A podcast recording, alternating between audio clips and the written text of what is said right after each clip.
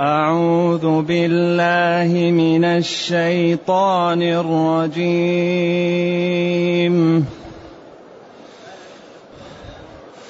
أولئك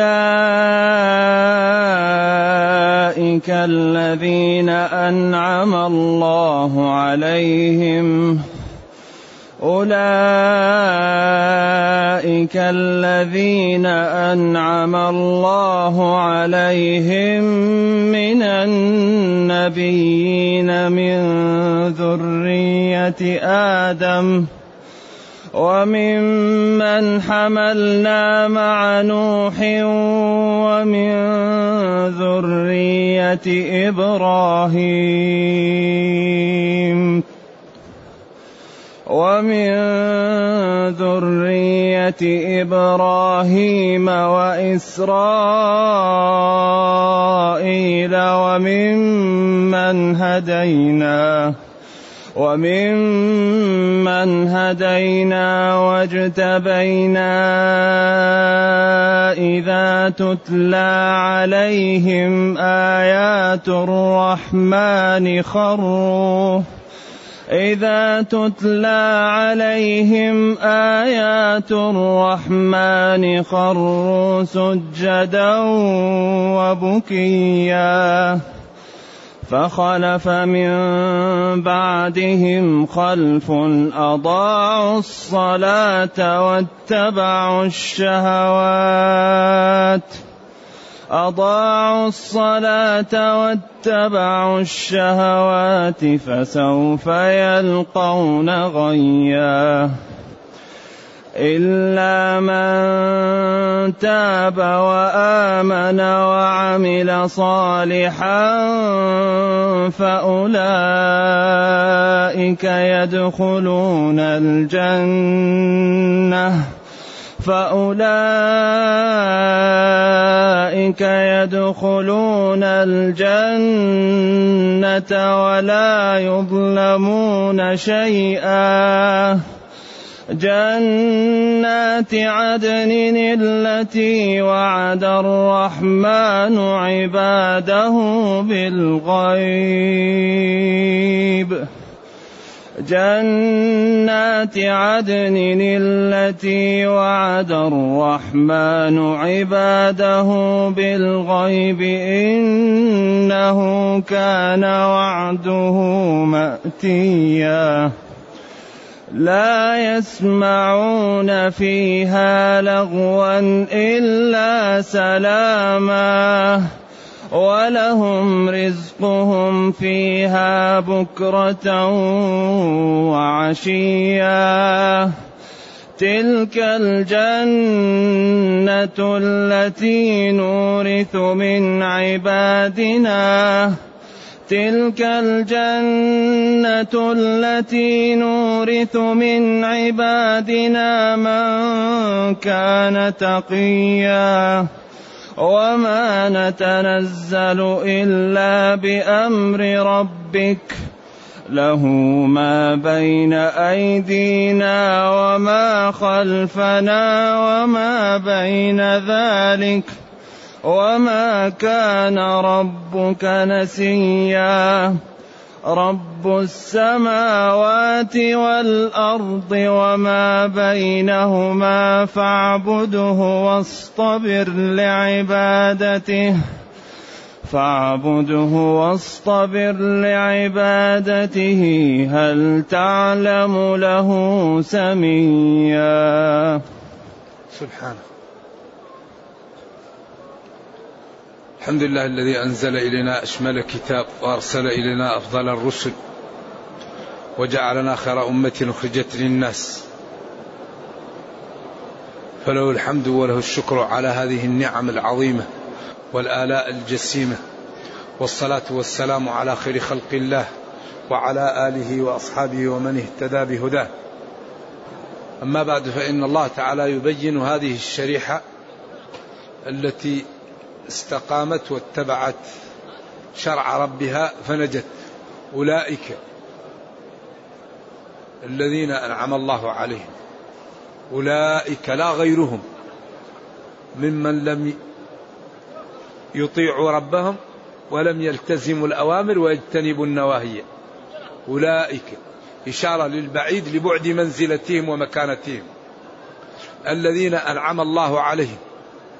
بالاستقامة وبالخير وبالسعادة وبالبعد عن الشرور. أنعم الله عليهم من النبيين.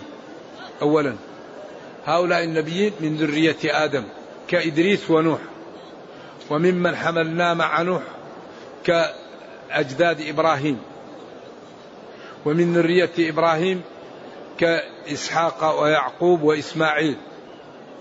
وإسرائيل اللي هو يعقوب وهو موسى وهارون ومريم وعيسى بن مريم ومحمد صلى الله عليه وسلم لأنه من ذرية إسماعيل. وممن هدينا واجتبينا من خلقنا. إذا هؤلاء الذين أنعم الله عليهم نحن نخبر بهم لنتمثل خطواتهم.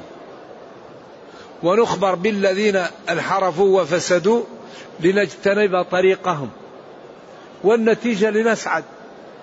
لأن هذا القرآن جاء ليسعدنا. هذا القرآن جاء لسعادة, لسعادة البشرية. لسعادتها في الدنيا ولنجاتها في الأخرى.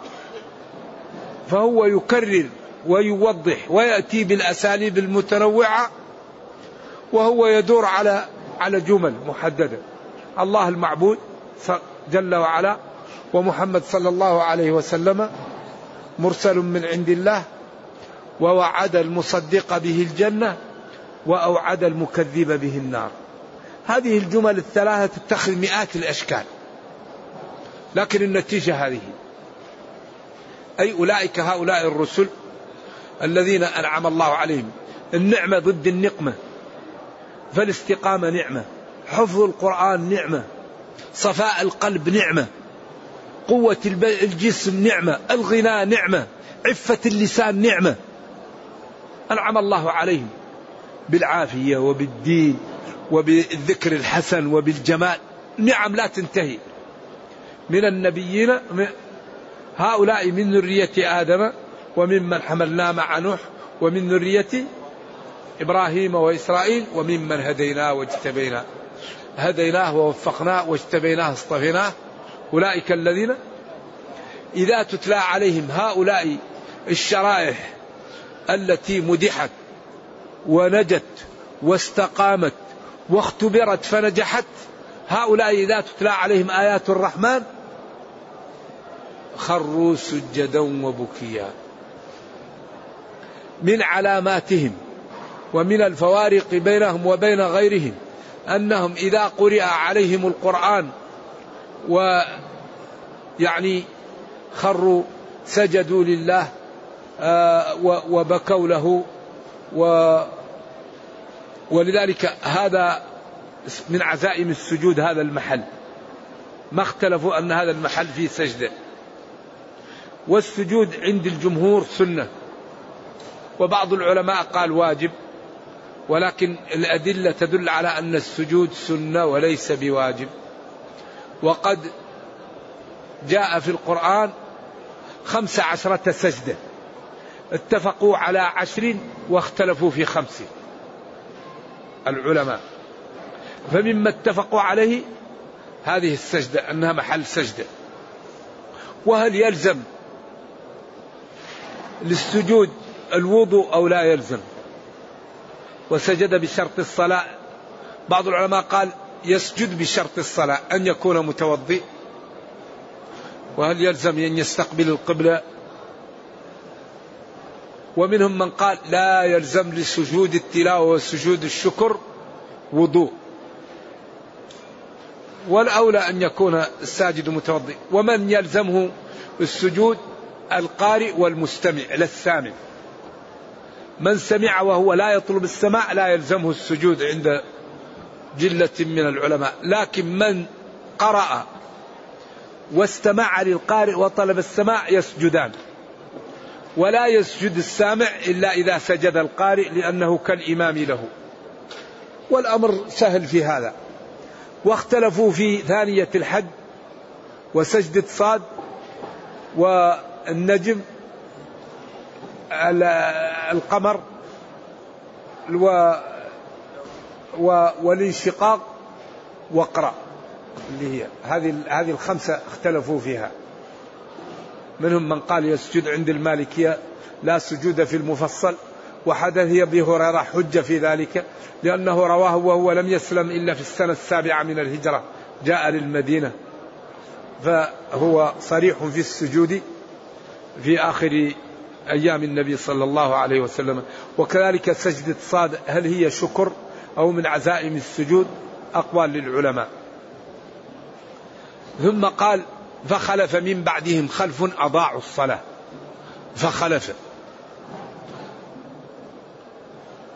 من بعدهم أي بعد النبيين خلف أضاعوا الصلاة واتبعوا الشهوات فسوف يلقون غيا إلا من تاب. هؤلاء قال بعض العلماء أنهم ممن انحرفوا من الأمم السابقة. بقوله فخلف ما قال فيخلف. وهذا مخاطب به النبي صلى الله عليه وسلم وأخبر أن خلف ف وظاهر القرآن لا يعدل عنه إلا بدليل ومن العلماء من قال هذا يدخل فيه الأمم السابقة ويدخل فيه من انحرف من هذه الأمة. ولكن لو كان المقصود الأمم السابقة فإن العبرة بعموم ألفاظ الشريعة لا بخصوص أسبابها. فالمقصود من, من ألفاظ الشريعة العموم ولو كانت نازلة في ناس خاصين لأن هذا الذي قال العلماء. إذا فخلف أي والخلف الذي يأتي بعد الإنسان في الخير والخلف الذي يأتي غير طيب. ولكن هذا أغلبي فقد يقال الخلف للطيب ويقال الخلف لغير الطيب ويتعاوران يتبادلان. لكن في اللغة أغلب ما يقال الخلف للطيب والخلف لغير الطيب. يعني الخلف لمن يعقبك من غير أن يكون طيبا. والخلف ممن يعقبك طيبا. أو الخلف الذي يكون من من أبنائك.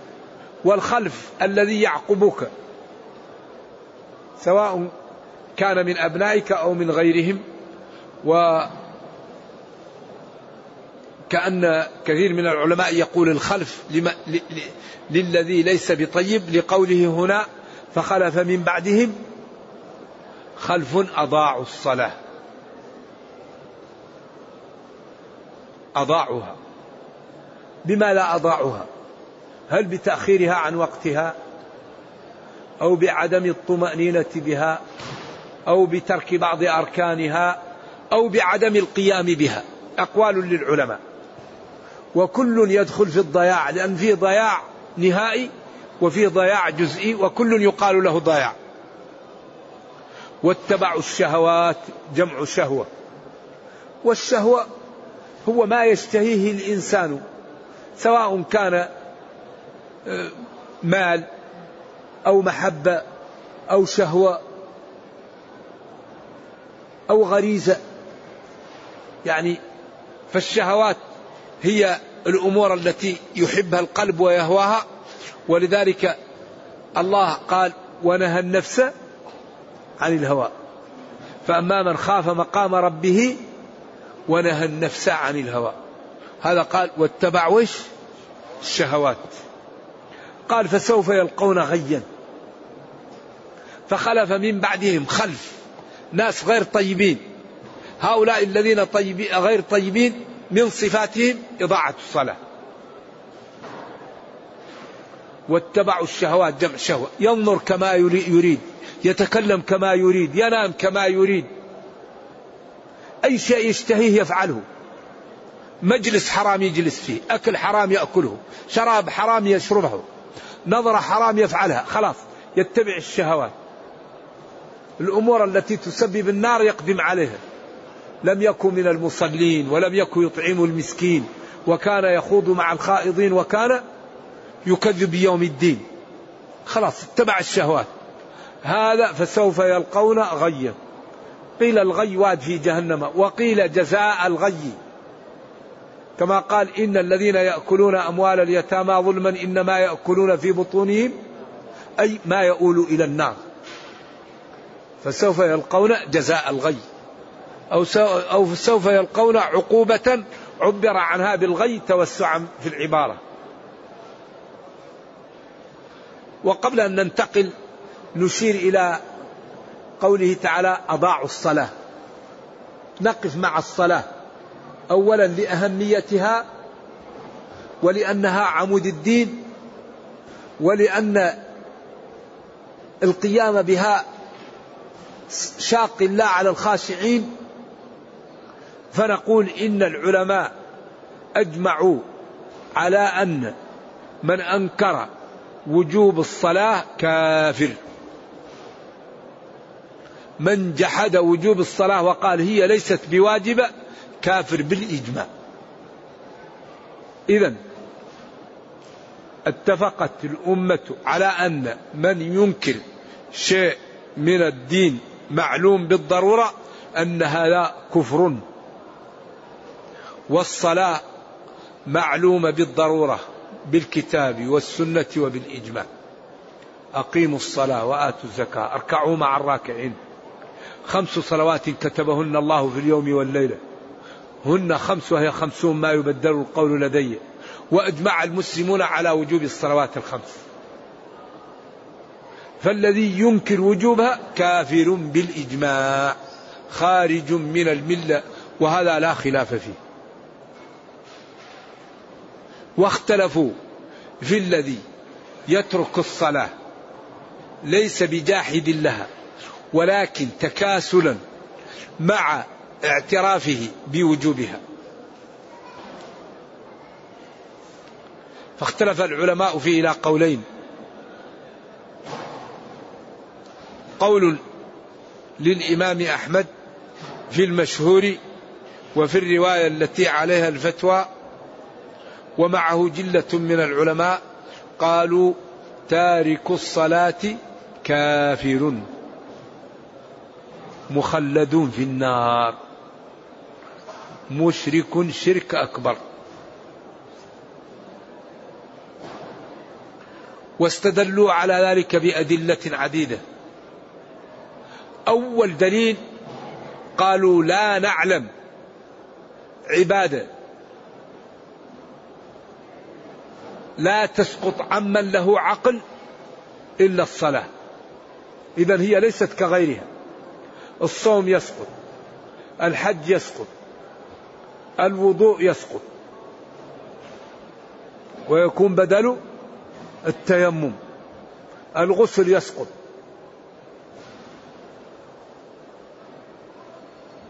لكن الصلاة لا تسقط إلا عمن فقد العقل. ما دام الإنسان عنده العقل لا تسقط عنه الصلاة. قال هذا لا يعهد في غير الصلاة.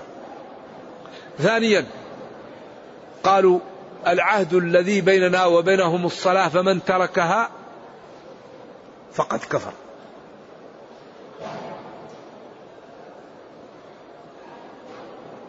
الثالث قالوا من ترك الصلاة فهو مع فرعون وهامان وقارون وأبي بن خلف. والمجازات لا تؤكد. و وجمهور العلماء قالوا تارك الصلاة تكاسلا ليس بكافر لأن الكفر هو الردة. وتارك الصلاة قد قال لا إله إلا الله ومن قال لا إله إلا الله دخل الجنة والكافر لا يدخل الجنة. وحديث معاذ الذي كان رديف النبي صلى الله عليه وسلم. قال من قال لا إله إلا الله حرم الله عليه النار. قال فلا أبشر الناس؟ قال إذا يتكلوا. فأخبر بها معاذ عند موته تأثما من كتم العلم. إذا من قال لا إله إلا الله دخل الجنة. أو حرم الله عليه النار. والكافر لا يدخل الجنة. من يشرك بالله إيش؟ فقد حرم الله عليه الجنة. الدليل الثاني وهو أقوى الأدلة عند الجمهور. خمس صلوات كتبهن الله في اليوم والليلة. من حافظ عليها كان له عهد عند الله أن يدخله الجنة ومن لم يحافظ عليها فليس له عهد عند الله. إن شاء عذبه وإن شاء أدخله الجنة. طيب وكيف الكافر يدخل الجنة؟ فرد أولئك القائلون قالوا هذا لم يتركها بالكلية وإنما ترك البعض وصلى البعض. والذين يعني قالوا إن تارك الصلاة غير كافر انقسموا إلى قسمين في عقوبته. عند أبي حنيفة يضرب ويسجن حتى يصلي أو يموت. وعند الإمام أحمد يقتل كفرا في الرواية التي عليها الفتوى المشهورة. من بدل دينه فاقتلوه. أما مذهب مالك والشافعي فإن فيه نوع خفاء لأنهم قالوا تارك الصلاة يقتل وليس بكافر. وتعلمون أن الذين يقتلون ثلاث لا يحل دم امرئ مسلم إلا بإحدى ثلاث. زنا بعد إحصان وكفر بعد إيمان وقاتل للنفس يعني من غير يعني العمد القتل العمد العدوان. قتل النفس المعصومة عمدا عدوانا. فهذو الثلاثة هم الذين يقتلون وعند مالك والشافعي هذا ليس منهم. إذا كيف يقولون إن تارك الصلاة ليس بكافر وبعدين يجعلون حده القتل؟ إذا هذا فيه خفاء. مذهب أحمد واضح. العهد الذي بيننا وبينهم الصلاة فمن تركها فقد كفر. إذا تارك الصلاة كافر. من بدل دينه اقتلوه أبو حنيفة قال لا هذا ما كفر لأنه هو ما جحد وجوبها وهذا كفر دون كفر كما قال لا يزني الزاني حين يزني وهو مؤمن ولا يسرق السارق حين يسرق وهو مؤمن اثنتان بالناس هما بهم كفر من انتسب لغير مواليه إيش؟ فقد حرم الله عليه الجنة. فهذه أحاديث الوعيد تحمل على التشديد وعلى التنفير أبو حنيفة قال يضرب ويسجن حتى يصلي أو يموت. وبهذا يعلم أن تارك الصلاة معايشته للناس غير شرعية. إما أن يقتل كفرا أو يقتل حدا أو يقتل أو أو يسجن ويضرب. اذا الذي لا يصلي حياته غير شرعية. أما مذهب مالك والشافعي فقد استدلوا بمفهومات المخالفة الكثيرة في الكتاب والسنة أن الذي لا يصلي لا يقتل. يفهم من دليل الخطاب أن الذي لا يصلي يقتل. قال إلا الذي فإن تابوا وأقاموا الصلاة وآتوا الزكاة فخلوا سبيلهم. قال ما أقاموا الصلاة؟ قال له خالد دعني أقتله. قال إنه يصلي. قال يصلي ولا صلاة له. قال نهاني ربي عن قتل المصلين. فيفهم أن غير المصلين إيش؟ يقتلون. وبهذا يعلم أن تارك الصلاة حياته غير شرعية. فليبادر كل مسلم أن تكون حياته شرعية وأن لا يترك الصلاة. يؤدي الصلاة حيث ينادى لها. ومن أكبر أسباب الغناء المداومة على الصلاة. أكبر أسباب الغنى قال تعالى وأمر أهلك بالصلاة واصطبر عليها الصلاة تأخذ وقت لأنها تحتاج المسجد ووضوء وانتظار الإقامة وخمس مرات في اليوم تأخذ وقت. قال له لا نسألك رزقا نحن نرزقك. قال العلماء من أكبر أسباب الرزق مداومة العبد على الصلاة وانتظارها وصرف الوقت فيها الله يغني صاحبها. ذلك ربنا كريم لذلك ينبغي أن نطلب حوائجنا بطاعة ربنا. عندنا حوائج. نأتي البيوت من أبوابها. نطرق باب الله نطيع الله ونسأله يعطينا. إذا هذا ملخص عن الصلاة والذي يظهر من النصوص أن تارك الصلاة كافر والذي يظهر من عمومات الشريعة ومن الأصول أنه كفر دون كفر. ومن أراد الاستزادة فليرجع إلى الجزء الرابع من أضواء البيان في هذه الآية. فإنه بحث هذا البحث بحثا مستوفيا وناقش الأدلة وحكم على عليها وبين رأيه رحمة الله علينا وعليه. قال إلا من تاب وآمن وعمل صالحا. أضاعوا الصلاة واتبعوا الشهوات فسوف يلقون غيا. يلقون هلاك ورطة سواء قلنا واد في جهنم عقوبة جزاء العقوبة إلا من تاب. استثناء منفصل لكن من تاب. التوبة هو الرجوع. والتوبة تجب ما قبلها.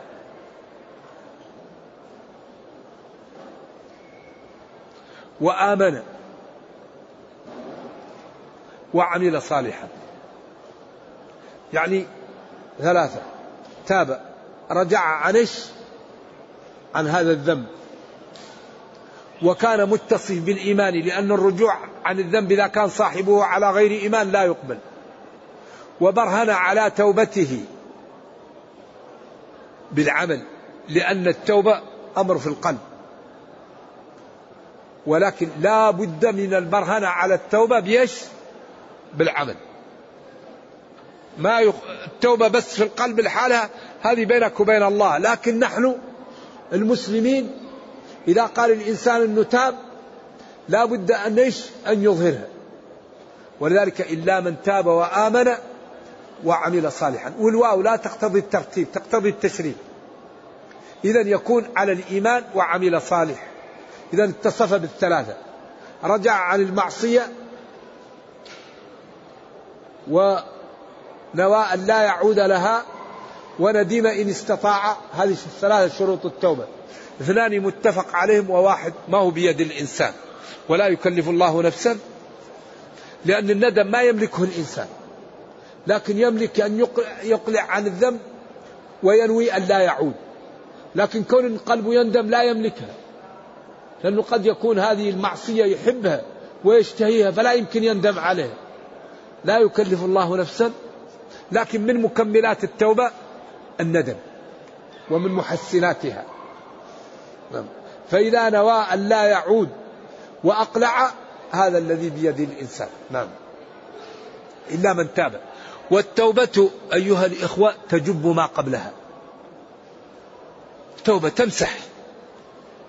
سواء كان كبيرة سواء كان صغيرة سواء كان أي شيء سواء كان كفر.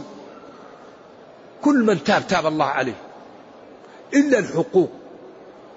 الحقوق مشكل. ولذلك ينبغي لنا أن نتحلل من حقوق الناس قبل يوم القيامة. الحقوق مشكل. وما لها إلا حسناتك يوم القيامة يأخذ منها. فحاول أنك إيش تقضي ديونك قبل يوم القيامة.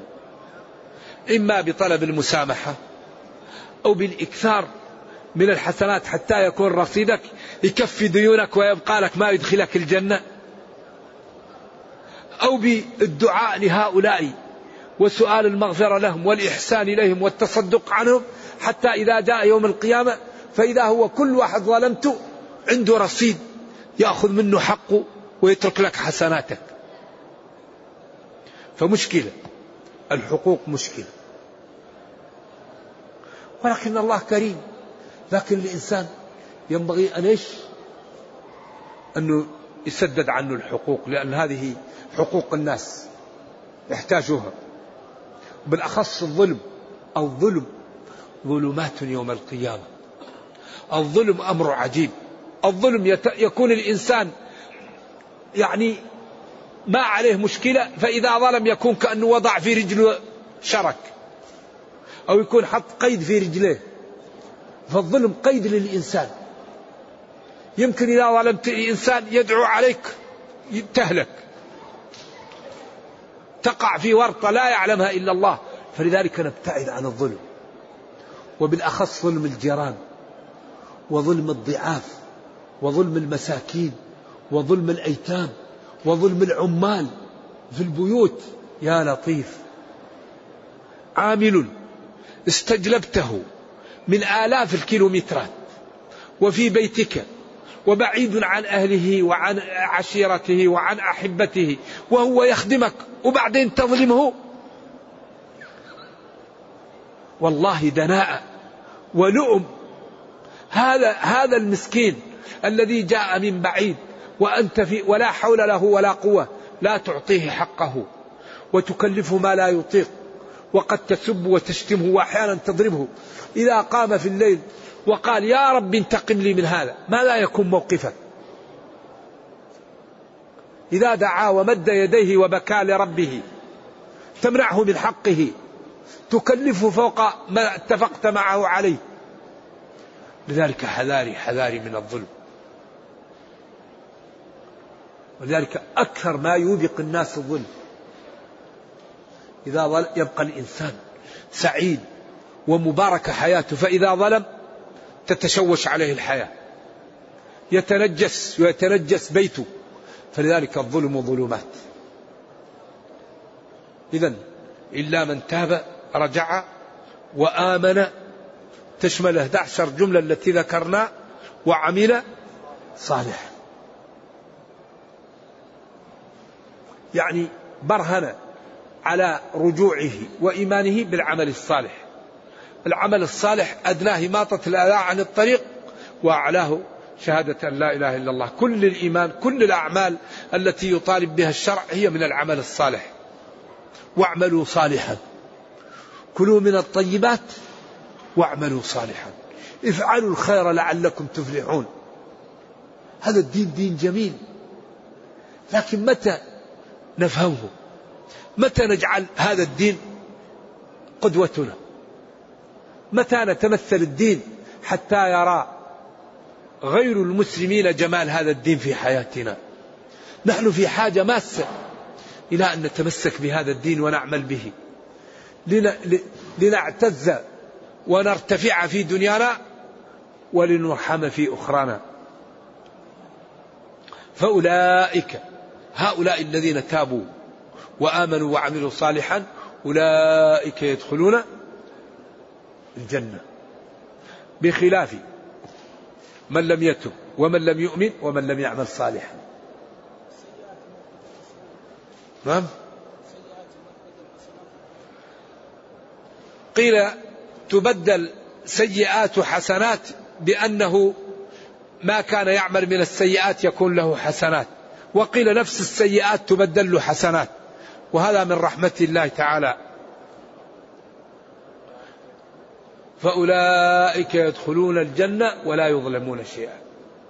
أولئك هؤلاء الذين هذه الصفات تصفوا بها يدخلون الجنة. ولا يظلمون ينقصون شيئا من أعمالهم الصالحة. جنات عدن. قيل هذا بدل بعض من كل. لأن جنات عدن بدل من الجنة. ولذلك يقال بدل البعض من الكل لكن بدل الكل من البعض. أيوة. فأولئك يدخلون الجنة ولا يظلمون شيء جنات عدن. وقيل الجنة معرفة فهو بدل كل من كل. ولا يظلمون شيئا. لا ينقصون أي عمل خير يعملوا بل يوفى لهم ويزاد. وما عملوا من الآثام يستر كثير منه ويغفر بعضه. وربنا كريم. جنات عدن التي وعد الرحمن عباده بالغيب إنه كان وعده مأتيا. مأتيا هل مفعول بمعنى الفاعل أو فاعل بمعنى المفعول؟ آت أو مأتي أي مأتي إليه. وعده منفذ يجيء. ما ما يغيب. ولذلك تقول أتيت للوعد وأتاني الوعد. وحضرت الشهر وحضرني الشهر. وأتيت للوعد وأتاني الوعد. ولذلك تلقى آدم من ربه كلمات وتلقى آدم من ربه كلمات. لأن التلقي هذا العرب ينطقون هذا لأنه لا يخفى. نعم. جنات عدن. هذه منزلة من منازل الجنة جنات عدن. التي يسكن فيها. التي وعد الرحمن عباده بالغيب. وعدهم فيها أيوه. وعدهم جنات عدن التي وعدهم وهي غائبة عنهم وبسبب إيمانهم بالغيب وسبب طاعتهم بالغيب الذي لم يروه. ولذلك قال الذين يؤمنون بالغيب. الجمهور قالوا يؤمنون بالجنة يؤمنون بالنعيم يؤمنون بعذاب القبر يؤمنون بربهم وهو لم يروه. وقيل بالغيب يؤمنون وهم غائبون عن الناس إذا ذهب الناس عنهم وخلوا بأنفسهم بكوا وذكروا الله وخشعوا وتابوا وأنابوا وأكثروا من العبادة في غيبهم عن الناس. إذا غابوا صلوا وبكوا وخافوا ودعوا الله. يؤمنون في غيبهم عن الناس. يكثرون من الدعاء ومن الاستغفار ومن الطاعة في حال غيبهم عن الناس. أما بعض الناس يؤمن أمام الناس فإذا خلا قلت خشيته وذكره وطاعته. هذه مشكلة.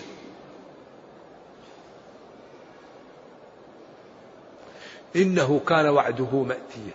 ما وعد عباده منفذ. لا يخلف الميعاد ابدا.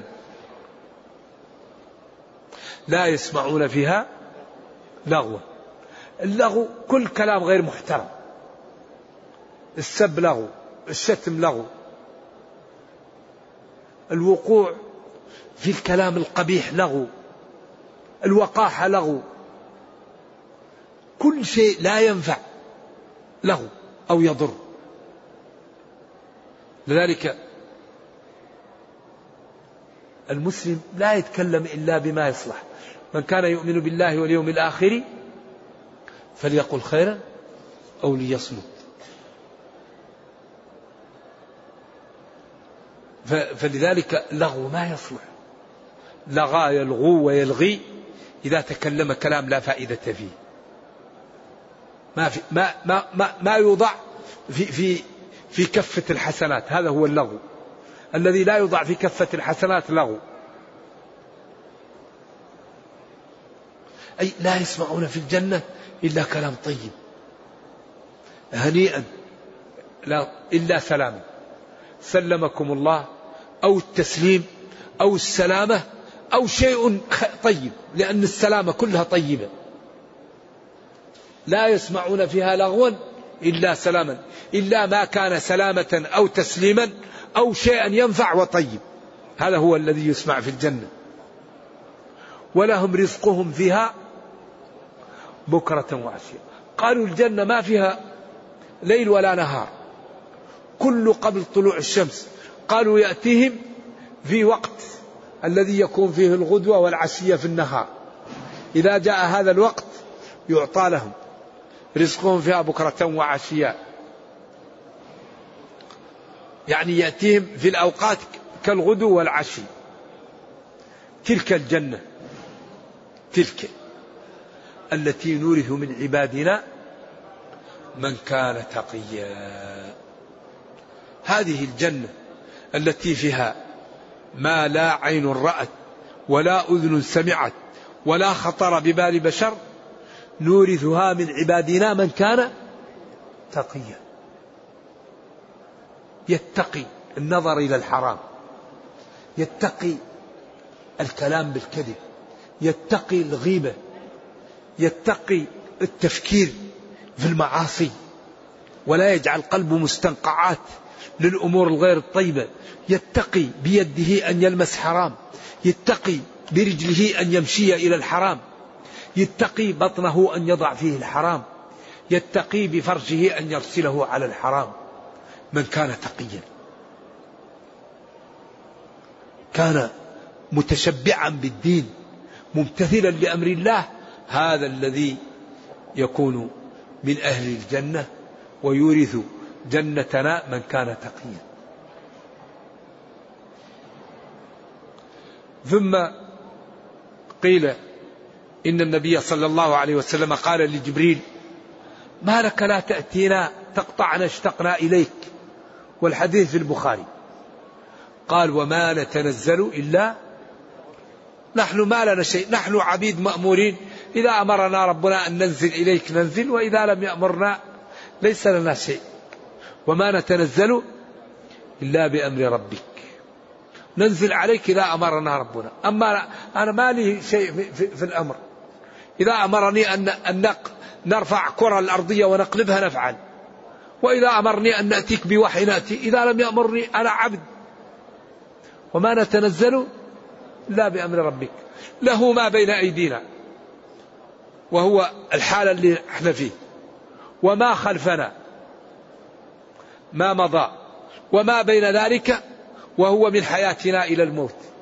له ما بين أيدينا ما أمامنا من الحشر ومن القيامة وما خلفنا ما انتهى من الزمن وما بين ذلك من وقتنا الحاضر إلى أن نموت. وقيل أقوال غير ذلك. وما كان ربك نسيا. لا ينسى. ولا يفعل العبد شيء إلا وهو مسجل إذا كل واحد حجيج نفسه كل امرئ حجيج نفسه. اللي يريد الجنة طريقها واضحة؟ واللي يريد جهنم طريقها واضحة؟ وأعطاك عينين ولسان وشفتين وهدناك النجدين. وأرسل لك الرسل وجاءتك الكتب وأنت ونفسك. نرجو الله تعالى أن لا يضلنا. رب السماوات والأرض وما بينهما. السماوات والأرض وما بينهما. إيش؟ هذا ثقل الجملة. فاعبده. فاعبده. رب السماوات والأرض وما بينهما فاعبده. واصطبر لعبادته وقت حرب اذهب إلى الجماعة. وقت تحب فلوسك فقير انفق. واصطبر. اصبر لعبادته اصطبر لعبادته اطلب الصبر وتجرعه. واحد أذاك اصبر. جارك أذاك ما زال جبريل يوصيني بالجار. صفقة أرباح هائلة لكن ربا أصبر. والدك أذاك وقال لك لازم الآن تروح وانت مشغول أصبر نفذ واصطبر لعبادته. اصطبر له. هل تعلم له؟ لا مثيل له ولا مشابه. فهو الذي له الغنى المطلق وله العلم المطلق وله العزة المطلقة. وأمره إذا أراد شيئا أن يقول له كن فيكون إذا يا أحبة ما الذي نريد؟ إن أردنا الجنة عند الله وإن أردنا العزة عند الله وإن أردنا الرفعة عند الله وإن أردنا السلامة الله يعطينا إياها. فلنأتي البيوت من أبوابها. فلنطع الله ولنجتهد في ذلك. وما أردناه أعطاه لنا ربنا. ربنا كريم ولا يضيع أجر من أحسن عملا. نرجو الله جل وعلا أن يرينا الحق حقا ويرزقنا اتباعه وأن يرينا الباطل باطلا ويرزقنا اجتنابه وأن لا يجعل الأمر ملتبسا علينا فنضل. اللهم ربنا آتنا في الدنيا حسنة وفي الآخرة حسنة وقنا عذاب النار. سبحان ربك رب العزة عما يصفون وسلام على المرسلين والحمد لله رب العالمين والسلام عليكم ورحمة الله وبركاته.